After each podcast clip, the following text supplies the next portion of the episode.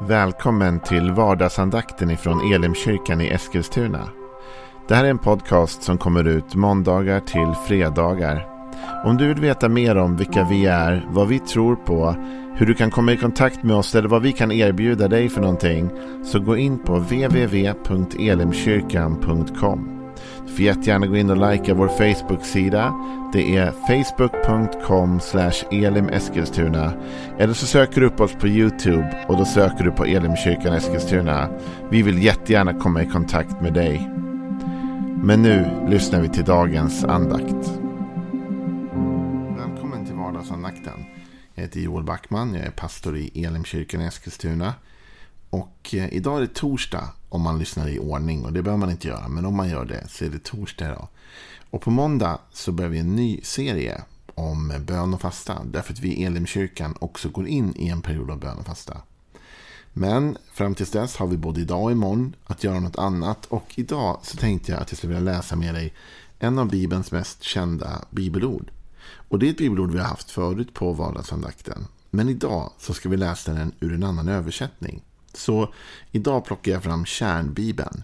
Och jag rekommenderar ju att du då och då läser Bibeln ur lite olika översättningar. Jag har flera hemma, både kärnbibeln, The Message, folkbibeln, Bibel 2000, 1917 års och så vidare. Ha flera olika bibelöversättningar och läs dem lite då och då. För det ger olika perspektiv. Bibeln är ju ändå översatt från ett annat språk än svenska.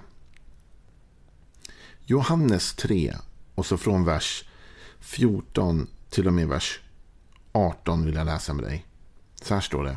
På samma sätt som Mose reste upp, lyfte upp ormen i öknen på en påle så är det nödvändigt att Människosonen blir upprest på ett kors och blir upplyft till himmelen.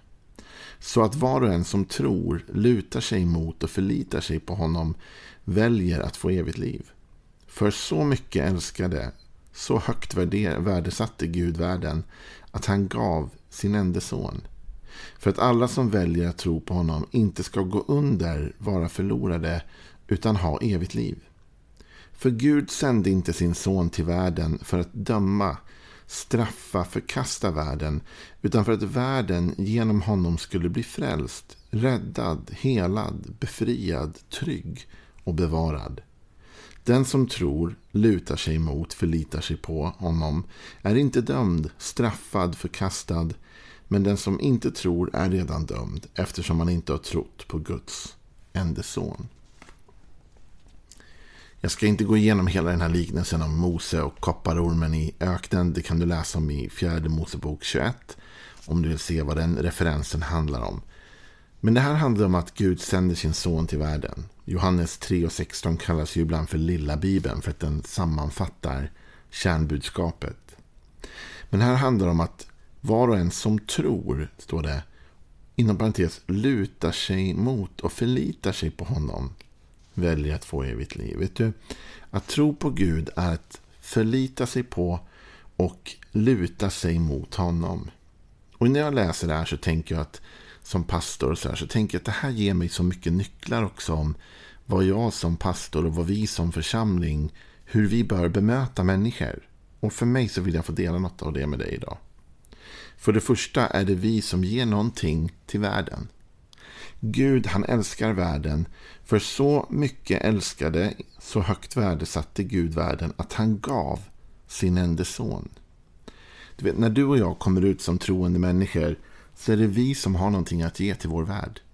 Vi ger räddning till världen. Vi ger det världen behöver. Och det är inte egentligen en massa lärdomar och massa annat än moralpredikningar. Även om etik och moral självfallet är viktigt. Utan det vi ger är framförallt en räddning. Och den räddningen är genom en person som heter Jesus. Så du och jag, vi går ut i världen och vi ger Jesus till världen. Därför att vi älskar världen. Så har vi någonting att ge till den. För att alla då som väljer att tro på Jesus inte ska gå under. Utan ha det eviga livet då. Och så står det. För Gud sände inte sin son för att döma, straffa, förkasta världen. Och Det här är väldigt viktigt. Jag tror det har med vårt perspektiv att göra. Om Gud inte sände sin son till världen för att döma, för att straffa eller förkasta världen då är det ju inte heller vår uppgift att döma, straffa och förkasta världen. Utan du och jag, vi är sända till världen med räddningen, alltså med Jesus, för att människor ska få upprättelse, ska bli helade och allt det här som vi kommer komma till strax. Men ditt och mitt mål är inte främst att döma ut alla andra. För Jesus kom inte med det syftet, utan Jesus kom med syfte att frälsa eller rädda världen. Och Det är så jag tror du och jag ska se på vår omgivning och se på de människor vi har runt omkring oss. Du och jag som troende, vi är inte sända till världen för att vara världens domare. Det finns bara en domare och det är Gud själv. Utan du och jag, vi är sända till världen med ett evangelium. Med de goda nyheterna, det goda budskapet om Jesus Kristus. Och för att rädda världen ur mörkret in i ljuset. Gud sände alltså inte sin son med en uppgift att döma och straffa och förkasta. Utan sände sin son för att världen skulle bli frälst genom honom. Det här tycker jag är spännande också för det säger någonting om storheten i församlingen och vår uppgift. Alltså jag tänker så här. Jesus Kristus varit sänd för att rädda världen. Och idag så är vi hans kropp här på jorden, eller hur? Kristi kropp brukar man kalla församlingen. Han är huvudet, men vi är kroppen. Och vår uppgift är densamma. Kan du tänka dig att i församlingen finns räddningen för den här världen? Ja, inte i oss själva och inte i vår egen förmåga och inte bara i alla de människor som utgör den föreningen. Men i det budskap vi förvaltar. I den kraft vi bär genom den helige Ande. Där finns faktiskt kraften till att förändra hela världen. Tänk om vi kyrkor såg lite mer på oss själva i det ljuset att vi i vår stad är den räddning som vår stad behöver. Därför vi bär evangelium, vi bär goda nyheter, vi bär nyheterna och budet om Jesus Kristus. Och han är ju den som frälser och som räddar. En del kyrkor tänker kanske att deras främsta uppgift i sin stad eller sin omgivning är att liksom döma ut det onda, då, va? synden och det där. Och det finns en sanning i att kyrkan ska vara en sanningens stöttepelare, stå för det som är sant och rätt. Och det finns en sanning i att vi ska vara salt och ljus i världen. Absolut, det är vi när vi bär fram det goda budskapet om Jesus. Men vet du vad? Vi är inte främst sända till världen för att döma, straffa eller förkasta den. Utan vi är sända till världen för att rädda världen. Och när du och jag börjar inse det, att vi bär ett evangelium, ett budskap som är starkt nog att faktiskt rädda en enskild människa, men faktiskt också förvandla en hel stad. Det här ser vi exempel på i Bibeln. Jona till exempel, som var en profet i det gamla testamentet, han åkte med Guds budskap till en stad som hette Nineve. Och den här staden Nineve den var helt fördärvad av synd och orättfärdighet. Men Jona kommer dit och han varnar dem för deras sätt och allt det där. Och räddning kommer till den staden. Alla vänder om till Gud, alla blir räddade och staden blir förvandlad. Tänk att ett budskap genom en person kan förvandla en stad. Gud sände inte oss för att döma, straffa, förkasta världen utan för att världen skulle bli frälst. Så här stod det i vers 17. För Gud sände inte sin son för att döma, straffa, förkasta världen, utan för att världen genom honom skulle bli frälst, räddad, helad, befriad, trygg och bevarad. Vet du vad? När jag läste det här idag så tänkte jag på en sak. Vilka människor är det vi ska nå ut till? Och vilka människor är det som ska komma till oss? Ja, men om du vänder på de här orden lite grann så är det ju faktiskt, eh, då om vi tänker räddad, ja men då är det förlorad. Om du vänder på helad så är du sjuk. Om det är befriad så är du fången, eller hur? Trygg, ja men då är du ju orolig. Bevarad, ja men då är du kanske förstörd eller trasig på något sätt. Och ändå är det just det bud till de människorna vi är kallade. Och det är de människorna vi ska ta hand om. Vi är kallade till de som är förlorade för att rädda dem. Vi är kallade till de som är sjuka för att hela dem. Vi är kallade till de som är fångna för att befria dem ur vad de än är fångna i. Vi är kallade till de som är oroliga för att ge dem trygghet och frid. Och vi är kallade till de som är trasiga eller som är brustna för att se till att de blir bevarade. Och Det här är din och min uppgift. Men det säger också något om vilka människor kyrkan borde vara fylld av. Vi är sända till världen för att världen ska bli frälst, inte för att världen är frälst. Vi är inte sända till de som är räddade, helade, befriade, trygga och bevarade. Utan vi är sända till de som är förlorade, brutna, fångna, osäkra och trasiga.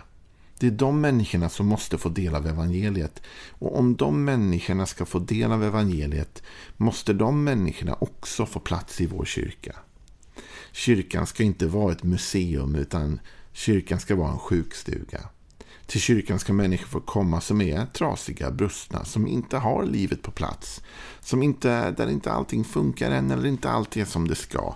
Det är inte din och min uppgift att döma för vi är inte sända till den här världen. För att döma, straffa eller förkasta den. Utan vi är sända till den här världen för att rädda den. Om jag möter någon som är sjuk så behöver inte jag stå där och reda ut varför den personen nödvändigtvis är sjuk. Utan jag kan be om helande. Om jag möter någon som är fången så visst kan det vara gott att veta ibland varför någon sitter fast för då kanske man kan hjälpa dem. Men det är inte mitt ansvar att egentligen reda ut det utan mitt ansvar är att göra dig fri. Och detsamma med allt det andra här, det trasiga. Det är inte mitt ansvar att berätta för dig hur trasig du är utan mitt ansvar är att föra dig till Jesus så att han kan läka dig. I hans sår har vi blivit helade. Vers 18 här säger sen, den som tror, inom parentes, lutar sig mot, förlitar sig på honom är inte dömd, straffad eller förkastad. Men den som inte tror är redan dömd eftersom han inte har trott på Guds enda son. Vet du vad? Jag längtar och drömmer om en kyrka dit människor kan komma och luta sig mot och förlita sig på. Jag tror att kyrkan ska vara en plats där den som är trasig får vila upp sig och bli hel. Jag tror att kyrkan ska vara en plats för ofullkomliga människor, för alla människor är ju ofullkomliga. Alla människor har ju brister. Jag tror att kyrkan ska vara en plats som vågar öppna sin famn brett och ta emot alla människor. Därför när jag läser de här texterna om hur Gud har älskat världen, hur Guds perspektiv inte främst var att döma eller fördöma eller straffa, utan hans perspektiv var att rädda. Ja, då tänker jag att då är det mitt ansvar, vårt ansvar som församling, att öppna våra armar så brett vi kan och ta emot så många som möjligt och låta dem finna en plats att luta sig mot. Det är Jesus Kristus som är den som kan läka, bota, befria, hela, rädda. Och det är till honom vi för människor. Och vi säger till människor, luta dig mot Jesus. Jesus håller. När allting annat går sönder eller brister eller när allting annat är trasigt så är Jesus vår räddning. Så du och jag måste ha rätt perspektiv. Vi är sända till världen på grund av att Gud älskar världen. Och Gud vill rädda världen. Så trasig som världen är, så brusten som världen är, så, så hemsk som den i många avseenden faktiskt är. Och så ond som den i vissa perspektiv kan tyckas vara. Så älskar Gud ändå varje människa. Och Gud önskar att varje människa skulle få chans att omvända sig och komma till tro på honom. Men det är väldigt svårt ibland när du och jag dömer människor för hårt eller straffar dem. Så låt oss inte göra det. Utan låt oss gå ut med kärlek. Och jag tror att den kärleken kommer leda till förändring. Jag tror att en, en församling som tar emot människor på det sätt som Jesus tog emot människor. Som är den här räddningen för människor. Den kyrkan kommer per definition bli ett ljus och salt i världen.